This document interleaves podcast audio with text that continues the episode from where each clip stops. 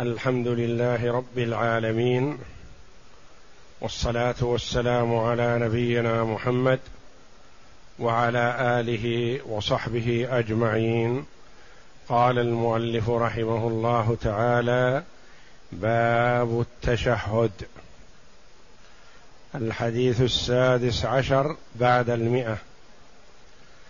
عن عبد الله بن مسعود رضي الله عنه قال علمني رسول الله صلى الله عليه وسلم التشهد كفي بين كفيه كما يعلمني السورة من القرآن.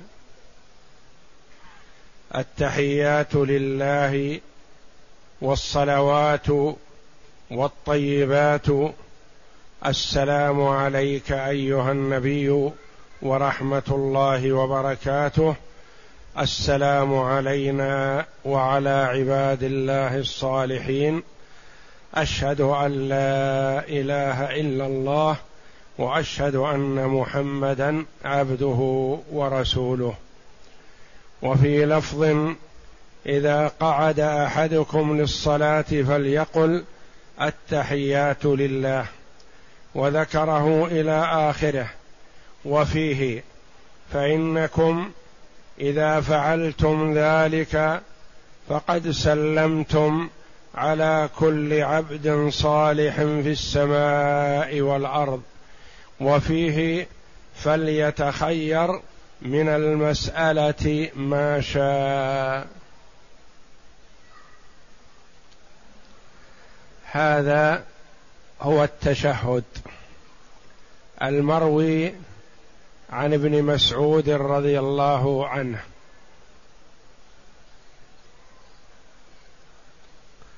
وورد التشهد بألفاظ وروايات لكن يرى كثير من العلماء أن من أجمعها وأثبتها وأقواها تشهد ابن مسعود الذي علمه إياه النبي صلى الله عليه وسلم.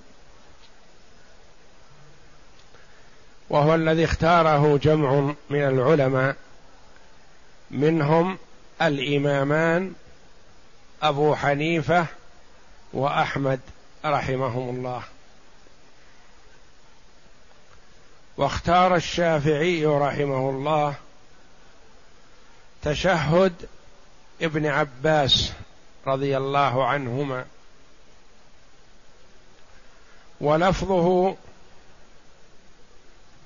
كان رسول الله صلى الله عليه وسلم يعلمنا التشهد كما يعلمنا السورة من القرآن.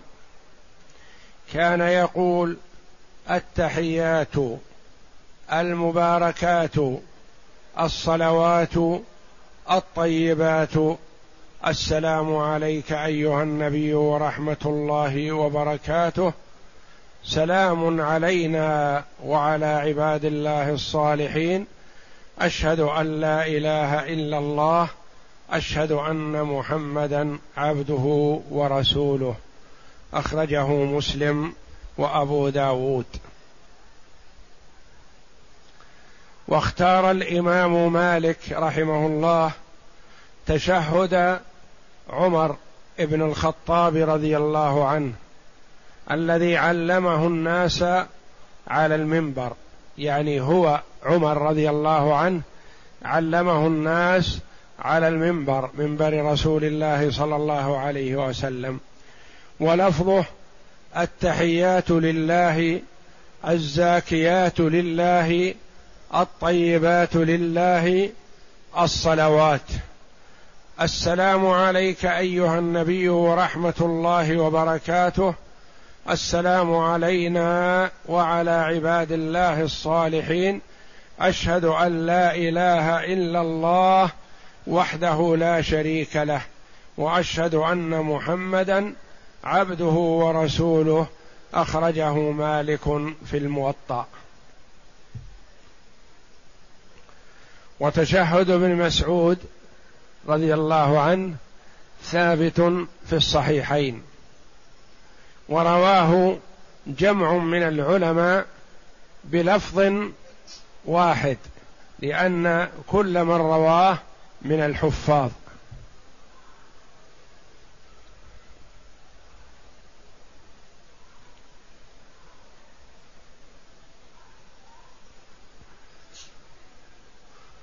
ومعناه يقول عبد الله بن مسعود رضي الله عنه إن النبي صلى الله عليه وسلم علمه التشهد الذي يقال في جلوس الصلاة الأول والأخير. يعني في تشهدان التشهد الأول وهو بين الركعتين الأوليين والركعتين الأخريين في الرباعية والركعة الأخيرة الثالثة في صلاة المغرب. هذا يسمى التشهد الأول. والتشهد الأخير هو الذي يؤتى به قبل السلام عند نهاية الصلاة سواء كانت ثنائية كالسنن وكصلاة الفجر أو ثلاثية كالمغرب أو رباعية كبقية الصلوات.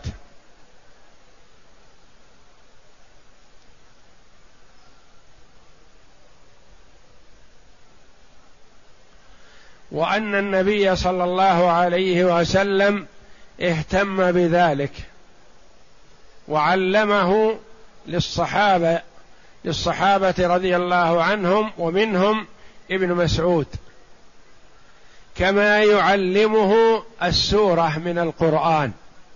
يعني يعلمه إياه كلمة كلمة لئلا يزيد فيه ولا ينقص. فجعل يده في يدي يعني أمسك بيد ابن مسعود ليحفظ أكثر ولينتبه أكثر. وفهمه إياه تكريرا وتلقينا كإحدى سور القرآن. وذلك لأهمية هذه التمجيدات والدعوات المباركات لله جل وعلا. ومعناه التحيات التحيات جمع تحية. تحية وتحية وتحية تجمع على تحيات. ومعناها السلام. يعني الله جل وعلا هو السلام وهو المسلم للعباد. ومن أسمائه جل وعلا السلام. قد يقول قائل ألم ننهى عن السلام على الله؟ نقول بلى. لأنه ورد كان كانوا يتشهدون في الأول يقولون السلام على الله من عباده السلام على جبريل وميكائيل وفلان وفلان وفلان يحصون عددا من الملائكة عليهم الصلاة والسلام يسلمون عليهم. فالتفت النبي صلى الله عليه وسلم عليهم وقال إن الله هو السلام. فلا يسلم على الله. وعلمهم التشهد. فالتحيات إذا قلنا بمعنى السلام ليس معناه السلام على الله وإنما السلام من الله. والله هو السلام. وقيل البقاء التحيات بمعنى البقاء والدوام وهذا لله وحده لا شريك له.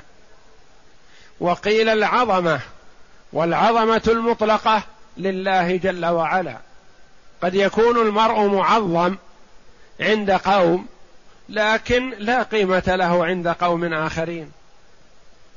معظم بين جماعته ورفقته ومن له ولاية عليهم لكن لا عظمة له في قديم الزمان كما لا عظمة له في آخر الزمان. والعظمة المطلقة لله جل وعلا دائما وأبدا. وقيل السلامة من الآفات لأن الله جل وعلا هو السالم من الآفات سبحانه وتعالى.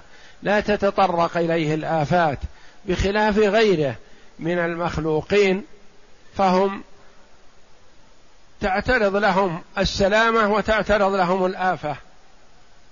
والنبي صلى الله عليه وسلم أفضل الخلق على الإطلاق ربط على بطنه الحجر من الجوع عليه الصلاة والسلام جاع ويعطش وجرح صلى الله عليه وسلم. وكسرت رباعيته. وشج وجهه عليه الصلاة والسلام وسال الدم منه ومرض وشفي وسحر عليه الصلاة والسلام وبرئ منه. وهكذا فهو عليه الصلاة والسلام مع أنه أفضل الخلق على الإطلاق ناله ما ناله من الشدة والتعب والألم. والأذى في ذات الله جل وعلا وضع على ظهره سل الجزور وهو يصلي في المسجد الحرام عليه الصلاة والسلام. وما استطاع أحد من الصحابة أن يأخذه عن ظهره لأن من قرب منه أوذي أشد حتى جاءت فاطمة رضي الله عنها وحملته عن ظهره عليه الصلاة والسلام. فهو أوذي في ذات الله جل وعلا عليه الصلاة والسلام. والسالم من الآفات سلامة مطلقة هو الله جل وعلا. وقيل السلامة من الآفات والنقص وقيل الملك. الملك لله. وقال أبو سعيد الضرير ليست التحية الملك نفسه لكنها الكلام الذي يحيى به الملك. يعني التحيات على هذا المعنى كل ما يمكن أن يحيى به ملك عظيم فهو لله جل وعلا المستحق له على الإطلاق. وقيل المعنى التحيات التي كانوا يسلمون بها على الملوك كلها مستحقة لله. والمراد أنواع التعظيم له. يعني التعظيم المطلق الذي ليس فوقه تعظيم هو لله جل وعلا.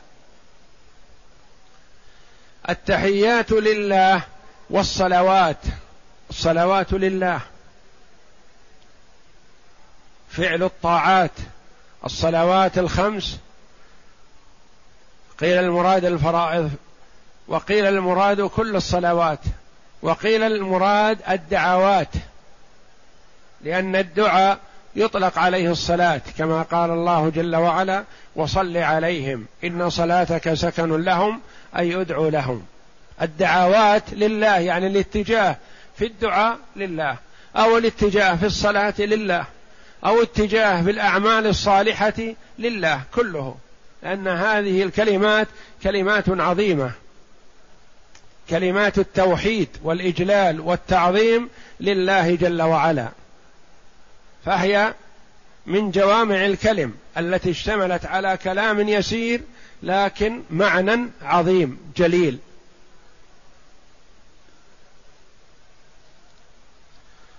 والصلوات والطيبات كل ما طاب من الأعمال من الأقوال من الاعتقادات فهو لله جل وعلا ويتوجه به إليه سبحانه وتعالى. هذا ما يتعلق بالله جل وعلا. التحيات لله والصلوات والطيبات. ثم بدأ بحق المصطفى صلى الله عليه وسلم وحقه عليه الصلاة والسلام من حق الله جل وعلا. وتعظيم الرسول صلى الله عليه وسلم تعظيم لله جل وعلا لأن الله جل وعلا أمر بتعظيم الرسول وإكرامه واتباعه وطاعته عليه الصلاة والسلام. وتوقف إسلام أي شخص حتى يشهد أن محمدا رسول الله. وتحقيق شهادة أن محمدا رسول الله طاعته فيما أمر. وتصديقه فيما أخبر واجتناب ما نهى عنه وزجر وأن لا يعبد الله إلا بما شرع. إذا كمل المرء هذه الكلمات وهذه المعاني فقد شهد أن محمدا رسول الله. وإلا فهو نطق لا فائدة فيه إذا لم يحقق هذا المعنى. فالنطق لا فائدة فيه. المنافقون يقولون نشهد إنك لرسول الله. وكذبهم الله جل وعلا وهم ينطقون بألسنتهم.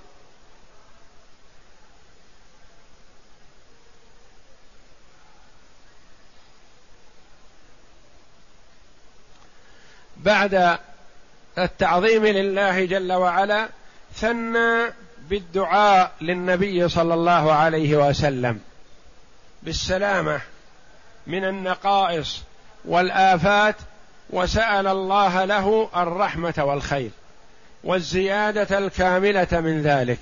السلام عليك أيها النبي ورحمة الله وبركاته. السلام عليك. ندعو الله جل وعلا بأن يسلمك ويسلم عليك.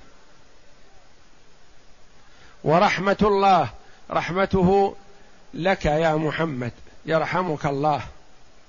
بهذا اللفظ الذي ورد عنه صلى الله عليه وسلم. ولم يرد أننا نقول اللهم ارحم محمد أو اللهم اغفر لمحمد. وإنما ورد هذا اللفظ. السلام عليك أيها النبي ورحمة الله وبركاته. قد يقول قائل لم نقول أيها النبي؟ أليس هو رسول؟ نقول بلى. واليست الرسالة أفضل من النبوة؟ نقول بلى. اذا لما يقال النبي ولم يقال السلام عليك أيها الرسول ورحمة الله؟ قال بعض العلماء قيل أيها النبي لأن كلمة الرسالة ستأتي. أشهد أن لا إله إلا الله وأشهد أن محمدا عبده ورسوله. فيجمع بين النبوة والرسالة. طيب لما قدمتم النبوة على الرسالة والرسالة أفضل؟ نقول نعم لأن الله جل وعلا قدمها في البعثة. فهو عليه الصلاة والسلام كما ورد في الحديث نبئ بإقرأ.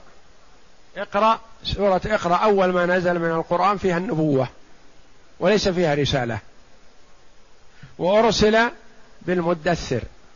يا أيها المدثر قم فأنذر وربك فكبر. فهو في سورة اقرأ لم يؤمر بالنذارة ولم يؤمر بالدعوة وإنما نبئ نزلت عليه النبوة بإقرأ. فجاء هذا اللفظ الكريم منه صلى الله عليه وسلم على نسق ما جاء من الله جل وعلا في البعثة. اولا النبوة ثم الرسالة. السلام عليك أيها النبي ورحمة الله وبركاته. السلام علينا وعلى عباد الله الصالحين. انظر إلى حسن هذا اللفظ مع قلته. السلام علينا. وعلى عباد الله الصالحين. اولا يسلم الإنسان على نفسه. وهكذا يستحب للإنسان إذا دعا أن يدعو لنفسه ثم يدعو للآخرين. وقد ورد أن النبي صلى الله عليه وسلم إذا دعا لشخص دعا لنفسه ثم دعا للآخر. السلام علينا. ندعو لأنفسنا بالسلامة وأن يسلمنا الله من ما يعوقنا عن الوصول إلى الجنة. السلام علينا. وعلى عباد الله الصالحين. هالكلمة القصيرة شملت كما قال عليه الصلاة والسلام كل عبد صالح في السماء والأرض منذ أن خلق الله الخلق إلى أن يرث الله الأرض ومن عليها كلهم. وقد تقدم أن قلت أنهم كانوا يقولون السلام على جبريل السلام على ميكائيل السلام على فلان السلام على فلان يسلمون على الملائكة يعددون عشرة عشرين ثلاثين.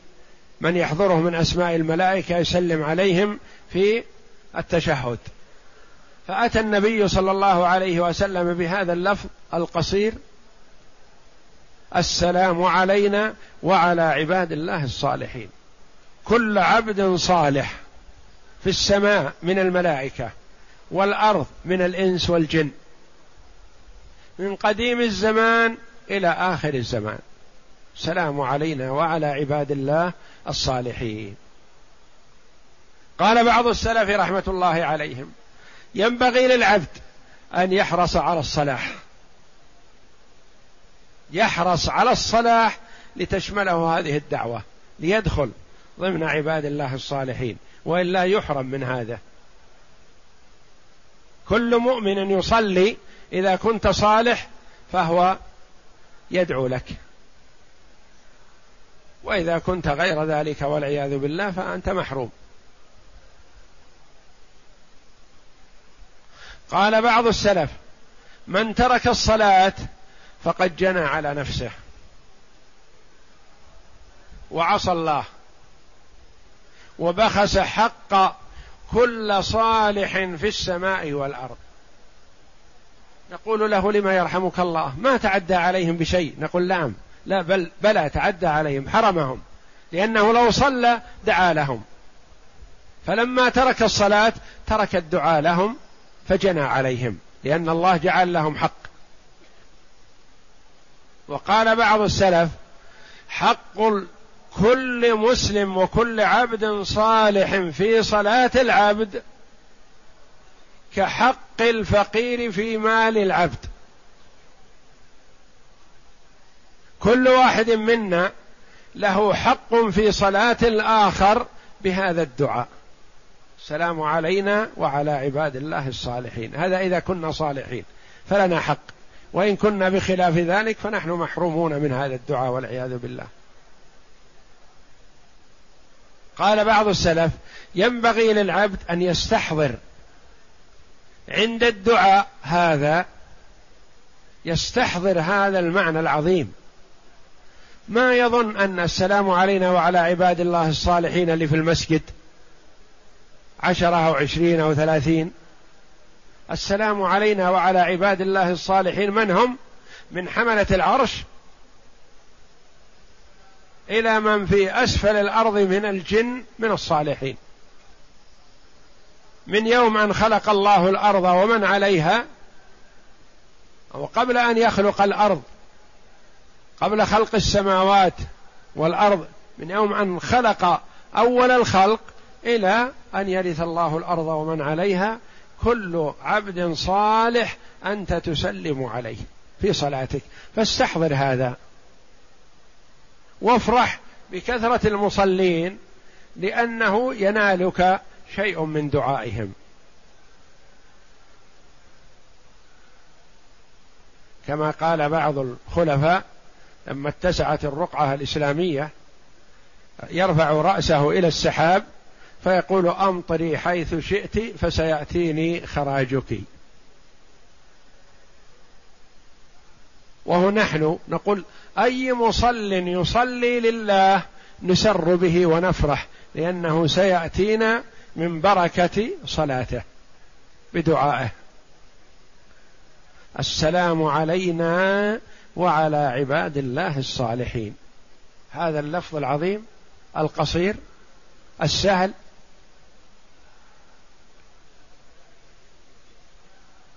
إذا دخل الداخل المجلس أو المكان ما وفي عشرة أو أكثر ربما تحرج وتعب من السلام على كل واحد منهم. وهذا السلام يأتي لكل عبد صالح من قديم الزمان إلى آخر الزمان. السلام علينا وعلى عباد الله الصالحين. أعطى الله جل وعلا حقه بالثناء والتعظيم. ثم أعطى الرسول صلى الله عليه وسلم حقه في السلام والدعاء والثناء عليه وطلب البركة له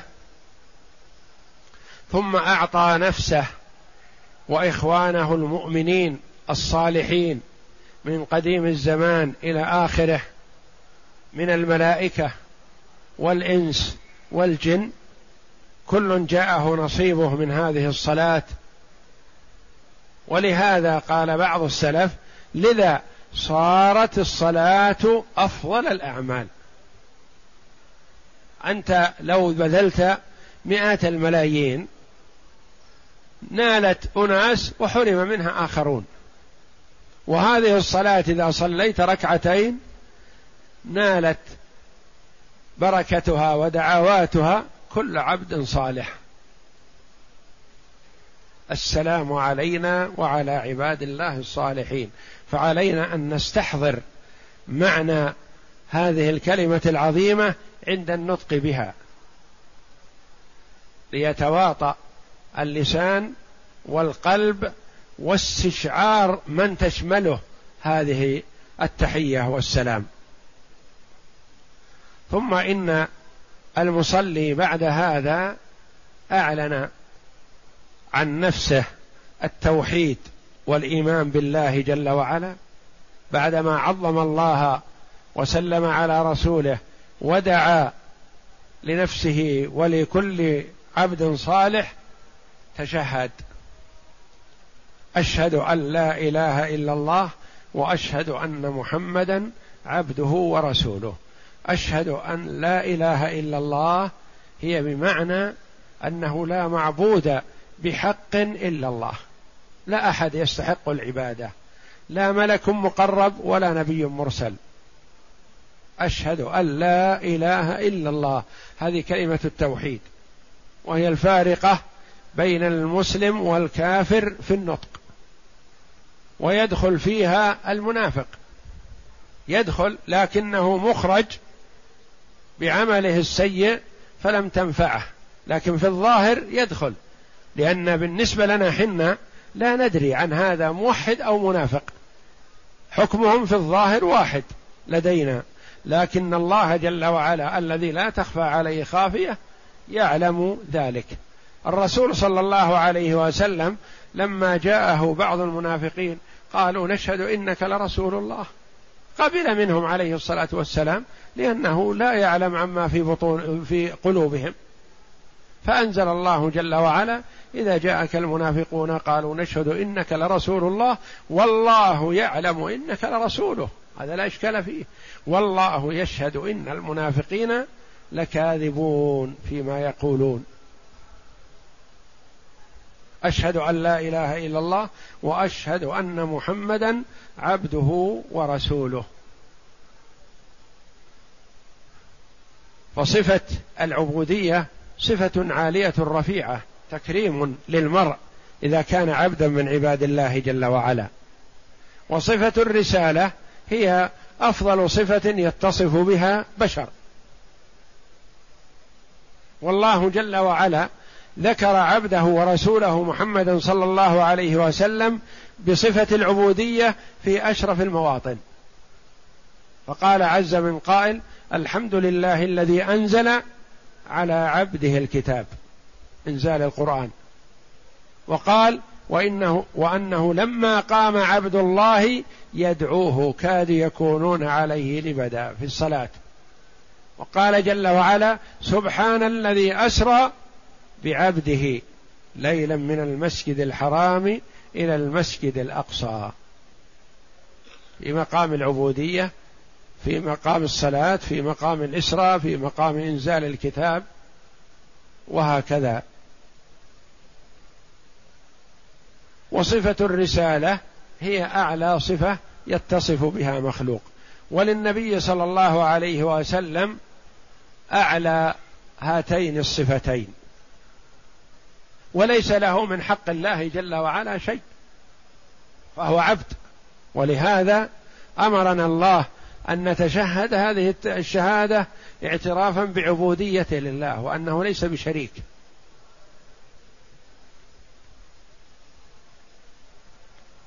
وأن بعض اللوحات التي تكتب الله محمد صلى الله عليه وسلم هذا خطأ. لأن هذه فيها شيء من المساواة بينهما.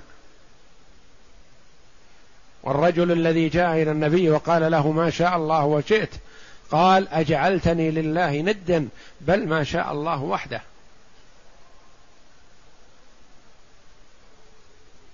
وإنما يقال لا إله إلا الله محمد رسول الله. أو أشهد أن لا إله إلا الله وأشهد أن محمدا عبده ورسوله. فهو عليه الصلاة والسلام عبد لا يعبد ورسول لا يكذب. فهو عبد لكن ليس كسائر العباد. رسول لا يكذب لأنه رسول من الله.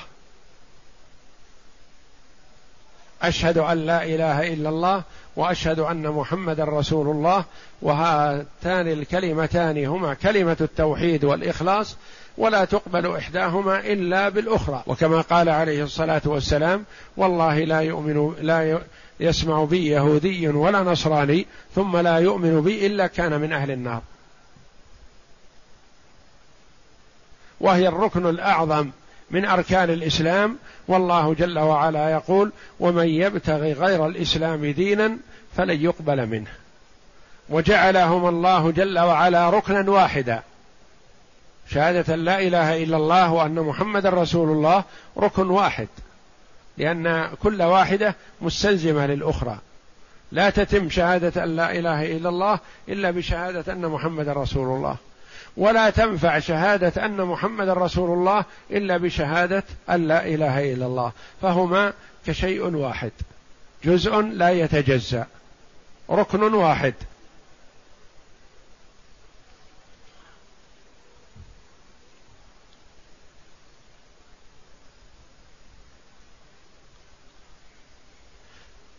فإنكم إذا فعلتم ذلك فقد سلمتم على كل عبد صالح في السماء والأرض.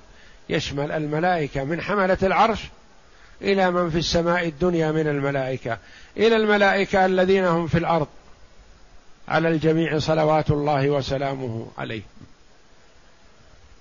وفيه فليتخير من المسألة ما شاء. يعني بعد هذا يتخير ما أحب من المسألة وقد ورد بعد ذلك كما سيأتينا في درس الغد إن شاء الله الصلاة على النبي صلى الله عليه وسلم ثم الدعاء والاستعاذة بعدهما.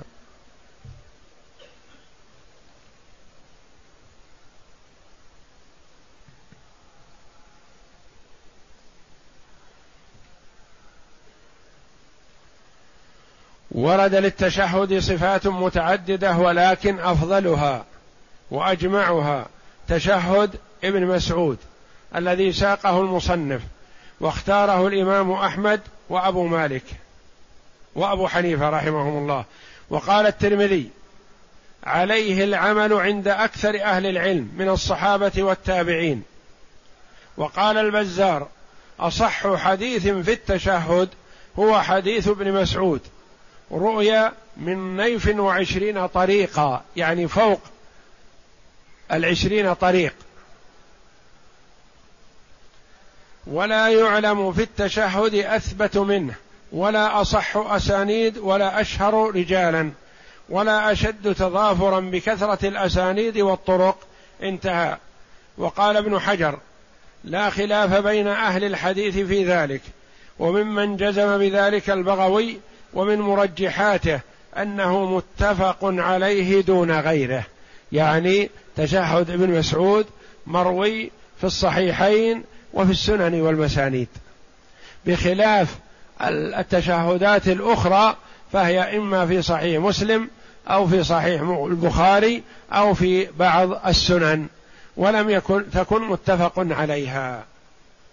وهذا يقوله البغوي رحمه الله ومن مرجحاته أنه متفق عليه دون غيره فإن الرواة عنه من الثقات لم يختلفوا في ألفاظه بخلاف غيره وفي وجوب التشهدين خلاف بين العلماء منهم من يرى أن التشهد واجب الأول والأخير ومنهم من يفرق يجعل الأول سنة والأخير واجب. ومنهم من يجعل الاثنين واجب. ومنهم من يجعل الأول واجب والثاني ركن.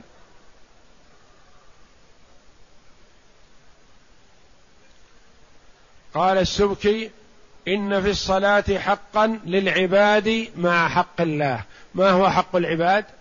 هذا السلام عليهم. وإن من تركها أخل بحق جميع المؤمنين يعني كأنه بخس حق المؤمنين. إذا ترك الزكاة بخس حق الفقراء وإلا الأغنياء ما تعرض لهم. بخس حق الفقراء من الآدميين وأما الملائكة ما بخسهم شيء من حقهم ولم يبخس الأغنياء حقهم. ولم يبخس الجن حقهم. لكن من ترك الصلاة بخس حق كل عبد صالح في السماء والأرض. وإن من تركها أخل بحق جميع المؤمنين. من مضى ومن سيجيء إلى يوم القيامة. لقوله السلام علينا وعلى عباد الله الصالحين. والله أعلم. وصلى الله وسلم وبارك على عبده ورسول نبينا محمد وعلى آله وصحبه أجمعين.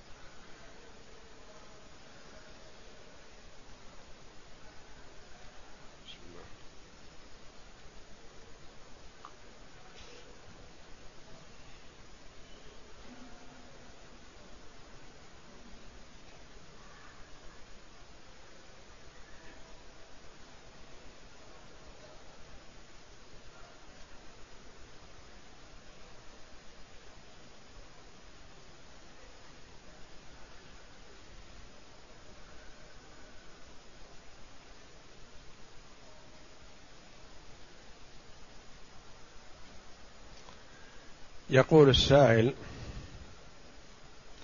لقد مات لي ولد بسبب حادث تسبب فيه أحد زملائه وزميله حي يرزق ويريدون دفع دية دية ولدي فهل يصح أخذها وعمل مشروع خيري له فيها؟ والجواب الدية حق للوارث وحق الميت على الله جل وعلا.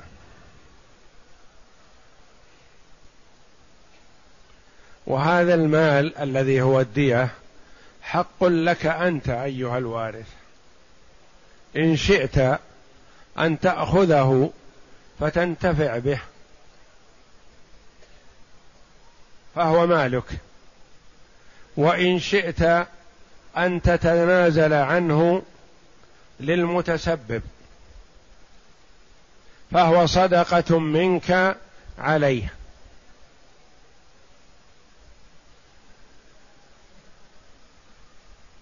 ثم إن المتسبب قد يحسن أحيانا أن تأخذ منه الدية. إذا كان من المستهترين وعدم المبالين فتأخذ الدية منه تاديبا له وهي حق لا إشكال فيه. ويحسن أحيانا أن تعفو عنه ومن عفا وأصلح فأجره على الله. إذا أخذت الدية فهي حقك. ولك. وأخذت حقك. وإذا تركتها ولم تأخذها فحقك على الله. وما يعطيك الله جل وعلا أعظم مما يعطيك هذا المخلوق. فإذا كنت في غنى عنها فلعل الأولى أن تعفو عنها عفوا وتطلب العوض من الله جل وعلا فهو يعطيك ويجزل. أما إذا أخذتها فلا لوم عليك وتكون أخذت حقك. فإن شئت أن تتعجل حقك في الدنيا تعجلته وإن شئت أن تدخره لك في الدار الآخرة يعطيك الله جل وعلا عطاء جزيلا بغير عد ولا حساب. فثواب الله أعظم. فعفوك حينئذ وخاصة إذا كان الخطأ حاصل بدون استهتار من المتسبب فعفوك أولى من الأخذ. وإن أخذت فلا لوم عليك. لا تلام بأخذك وإنما العفو أعلى لك منزلة وأعظم أجرا عند الله لأنك تتقاضى حقك من الله. وإذا لم تعفو أخذت حقك في الدنيا من المخلوق. وبقي لك حق الصبر والاحتساب هذا عند الله جل وعلا.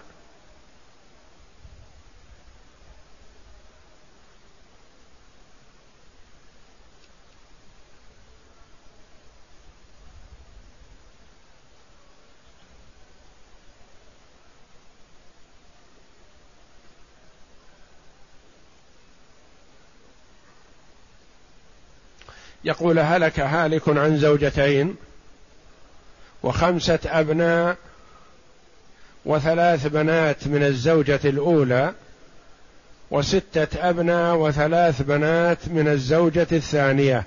فكيف يكون التقسيم؟ التقسيم للزوجتين الثمن. واحد من ثمانية. ويبقى سبعة للذكور والإناث على رؤوسهم للذكر مثل حظ الأنثيين. سيان الولد الكبير الذي هو البكر أول واحد جاءه من الزوجة الأولى وآخر ولد أو بنت من الزوجة الثانية. كلهم سواء. للذكر مثل حظ الأنثيين. أخرج نصيب الزوجتين الثمن بينهما مناصفة. وما بقي فأعط الذكر ريالين وأعط الأنثى ريال. أعط الذكر ألفين وأعط الأنثى ألف وهكذا حتى ينفد ما معك. وما هي أمثلة الصدقة الجارية؟ الصدقة الجارية أمثلتها كثير. يعني الشيء الذي يستمر نفعه. مسجد من الصدقة الجارية. ماء تجريه يستمر من الصدقة الجارية. وقف توقفه على طلبة العلم على الفقراء على المهاجرين على المجاهدين على طباعة الكتب على تعليم كتاب الله وسنة رسوله صلى الله عليه وسلم كل هذا من الصدقة الجارية. دار بنيتها وجعلتها مدرسة لتحفيظ القرآن جعلتها وقفا على المسجد يسكنها إمام المسجد أو مؤذن المسجد هذا من الصدقة الجارية. فالصدقة الجارية ما بقي واستمر نفعه بإذن الله.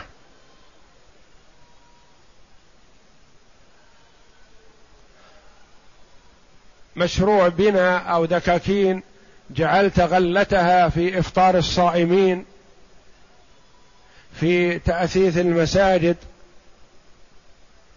في الإنفاق منها على الأرامل والفقراء. كل هذا من الصدقة الجارية والحمد لله. وهي من الأعمال التي تبقى للعبد بعد موته.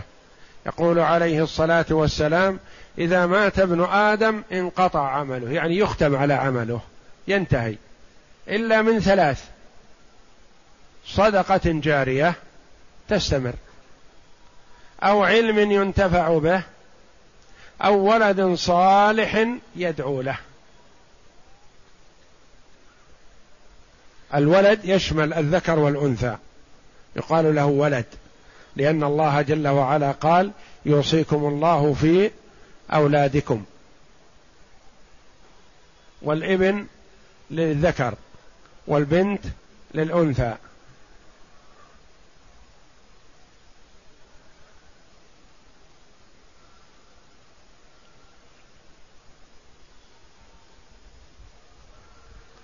إذا قتل الوالد ولده عمدا هل يقتل أو يعزر؟ إذا قتله عمدا فلا يقتص من باب القصاص. يعني ليس لورثة الولد أن يقتصوا من الأب قصاصا لكن قد يرى ولي الأمر والحاكم والقاضي الشرعي قتله حدا إذا كان قتل ابنه غيلة أو تعزيرا لئلا يقع مثل هذا. إذا تساهل الناس في هذا أو انهمكوا في أمور تجعلهم لا يبالون والعياذ بالله بالحلال والحرام كما يفعل مدمن المخدرات والعياذ بالله لا يبالي قتل ولده زنى بأمه زنى ببنته قتل زوجته فعل ما فعل لا يبالي. فإذا وقع الناس في الإثم فللإمام والحاكم أن يجتهد فيما يردع الناس. فمثل هذا إذا قتل ولده عمدا وإن لم يقتص منه فللحاكم أن يعزره إلى حد القتل.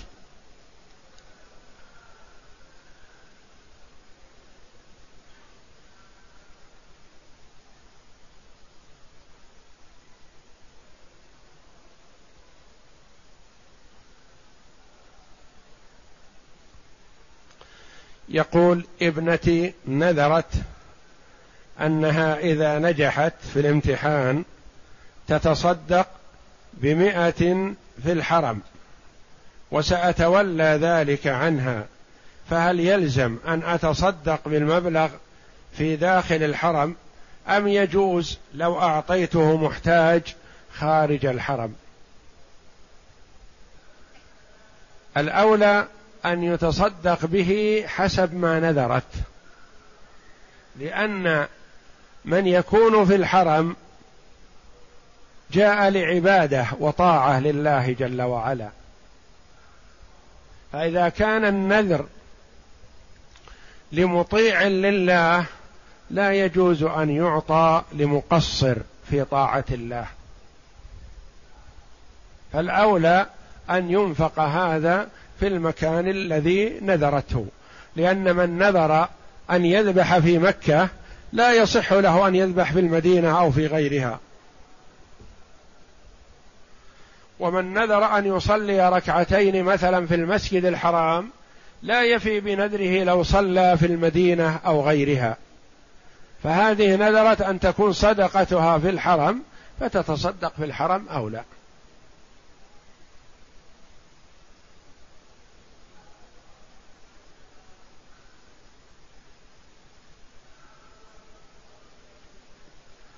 يقول الساعات التي داخل المسجد الحرام تبين لنا وقت شروق الشمس فهل يجوز لنا أن نصلي صلاة الضحى وقتها أم نؤخر؟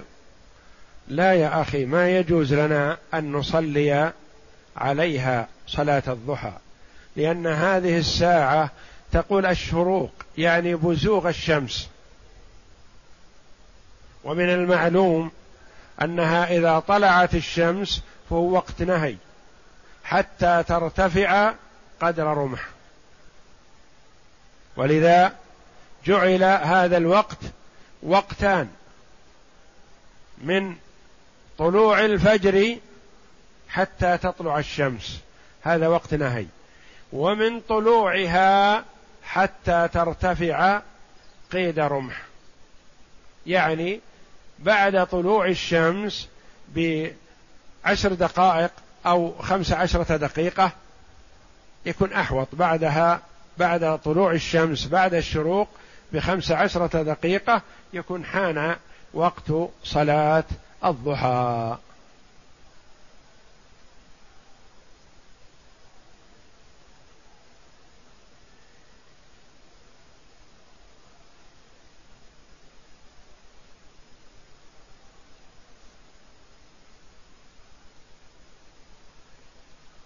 يقول سمعت بأن أهل مكة ليس عليهم عمرة لأجل طوافهم بالبيت فهل هذا صحيح؟ وإذا هو صحيح فهل الطالب العلم الأجنبي يعتبر من أهل مكة؟ نعم قال جمع من العلماء بأن أهل مكة ليس عليهم عمرة لأن العمرة في الأصل التوجه إلى مكة ومن كان بمكة فهو فيها يطوف فيها متى شاء يطوف في المسجد في البيت. شرفه الله. وقال بعض العلماء عليهم كعلى غيرهم. يخرج المكي إلى الحل ويعتمر.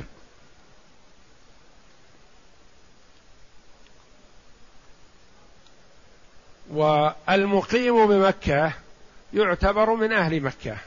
ايا كان ما دام مسلم مقيم في مكة فهو من أهل مكة ومن حاضر المسجد الحرام وإذا كان فقيرا فهو من فقراء الحرم.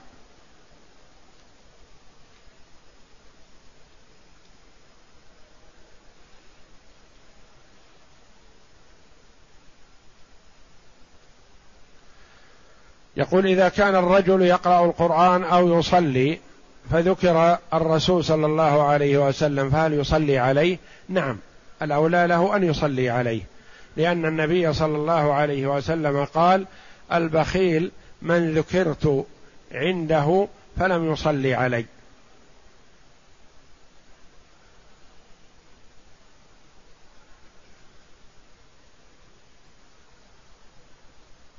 يقول لماذا سمي الركن اليماني بهذا الاسم؟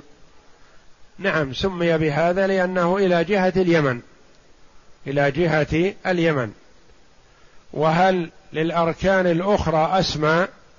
نعم. الركنان الشاميان أو العراقيان أو أحدهما يسمى الشامي والآخر العراقي.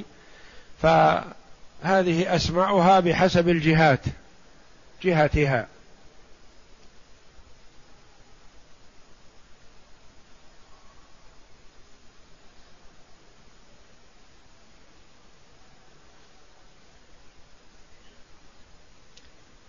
يقول هل كان الناس في عهد النبي صلى الله عليه وسلم يطوفون كهذا الطواف من الاختلاط والتبرج والفتن أو الصحابة أو التابعين؟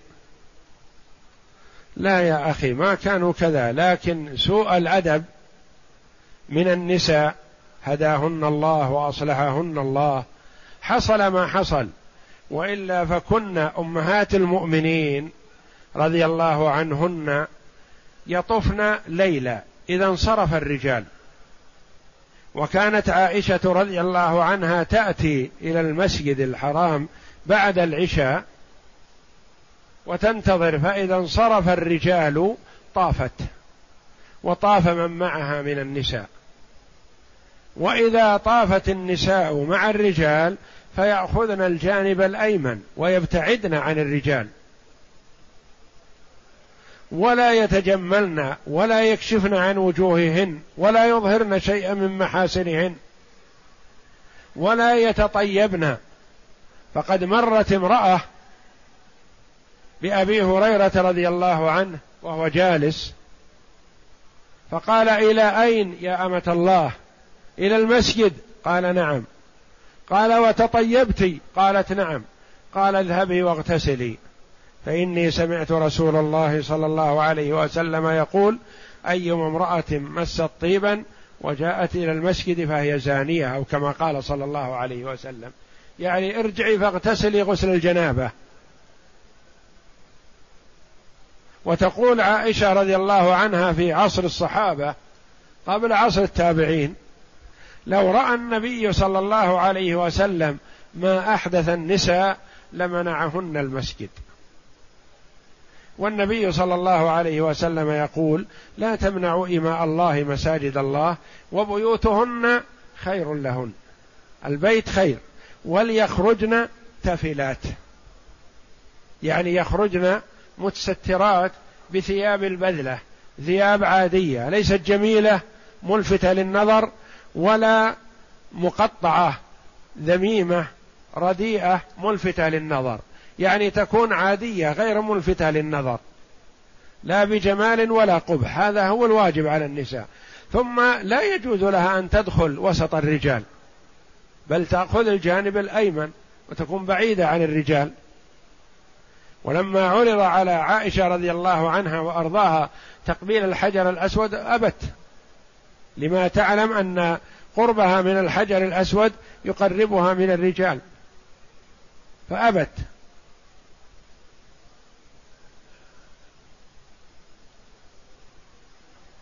فالواجب على النساء أن يبتعدن عن مخالطة الرجال. ولا يقربن منهن وعليهم وعليهن أن يتسترن الستر الكامل.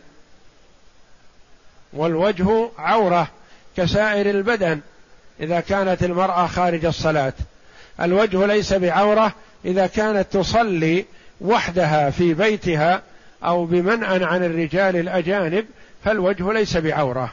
وأما في الصلاة فالوجه عورة إذا كانت بمرأى من الرجال الأجانب.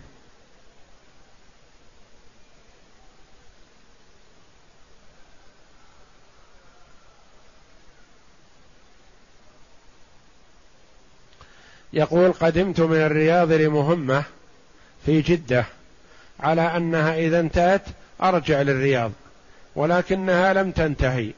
فأتيت إلى مكة وأريد العمرة فهل يلزمني الخروج للسيل أم ماذا؟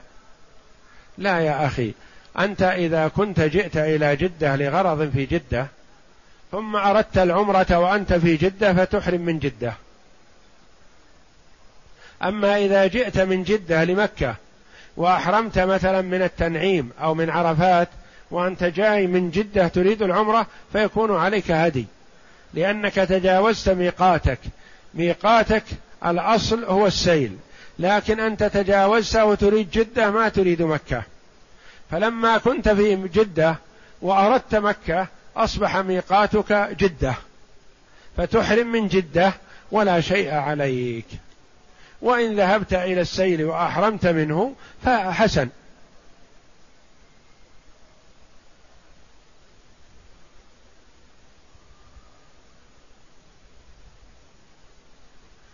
إذا ولدت المرأة وانقطع الدم عنها فهل تصلي قبل الأربعين يوما؟ نعم. متى ما انقطع عنها الدم يجب عليها أن تصلي. لأن النفاس الذي تجلسه هو الدم. ولو ولدت ولدا بدون دم مثلا ما صار عليها نفاس. تضع الولد وتقوم تصلي. لأن النفاس هو الدم الذي يخرج من المرأة وهو الذي يمنع الصلاة. فإن ولدت بدون دم أو انقطع الدم منها مثلا لخمسة أيام أو عشرة أيام أو أقل أو أكثر وجب عليها أن تصلي. وتترك الصلاة مدة الدم ما دام معها إلى أربعين يوما ثم بعد الأربعين يرى كثير من العلماء أنه يجب عليها أن تغتسل وتصلي ولو كان معها دم ويرى بعضهم أنه إن كان الدم مستمر ولم يتغير عن حاله فهو دم نفاس ولو زاد عن الأربعين.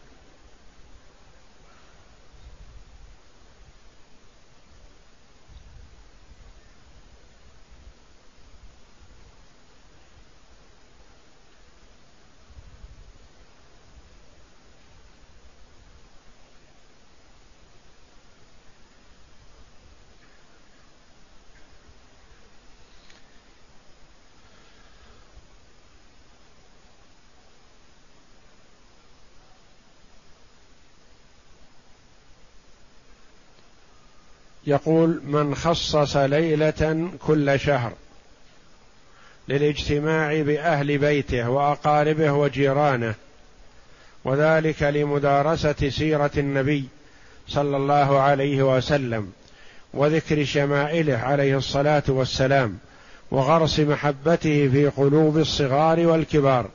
فهل هذا الفعل بدعة؟ اولا دراسة حياة النبي صلى الله عليه وسلم قربه لله جل وعلا وهو القدوة عليه الصلاة والسلام. ثم تخصيص يوم أو ليلة معينة في الشهر لا يعمل هذا في غيرها هذا لا يجوز. يكون أشبه ما يكون مثلا بتخصيص بعض ليالي للمولد. هذا لا يجوز. وإنما حسب ما يتيسر وحسب ما يأتي مثلا أو إذا كان مثلا في ليالي متعددة ليلة يدرسون السنة وليلة يدرسون القرآن وليلة يدرسون مثلا السيرة وهكذا هذا حسن. لكن تخصيص ليلة لدراسة حياة النبي صلى الله عليه وسلم محددة لا ينبغي مثل هذا.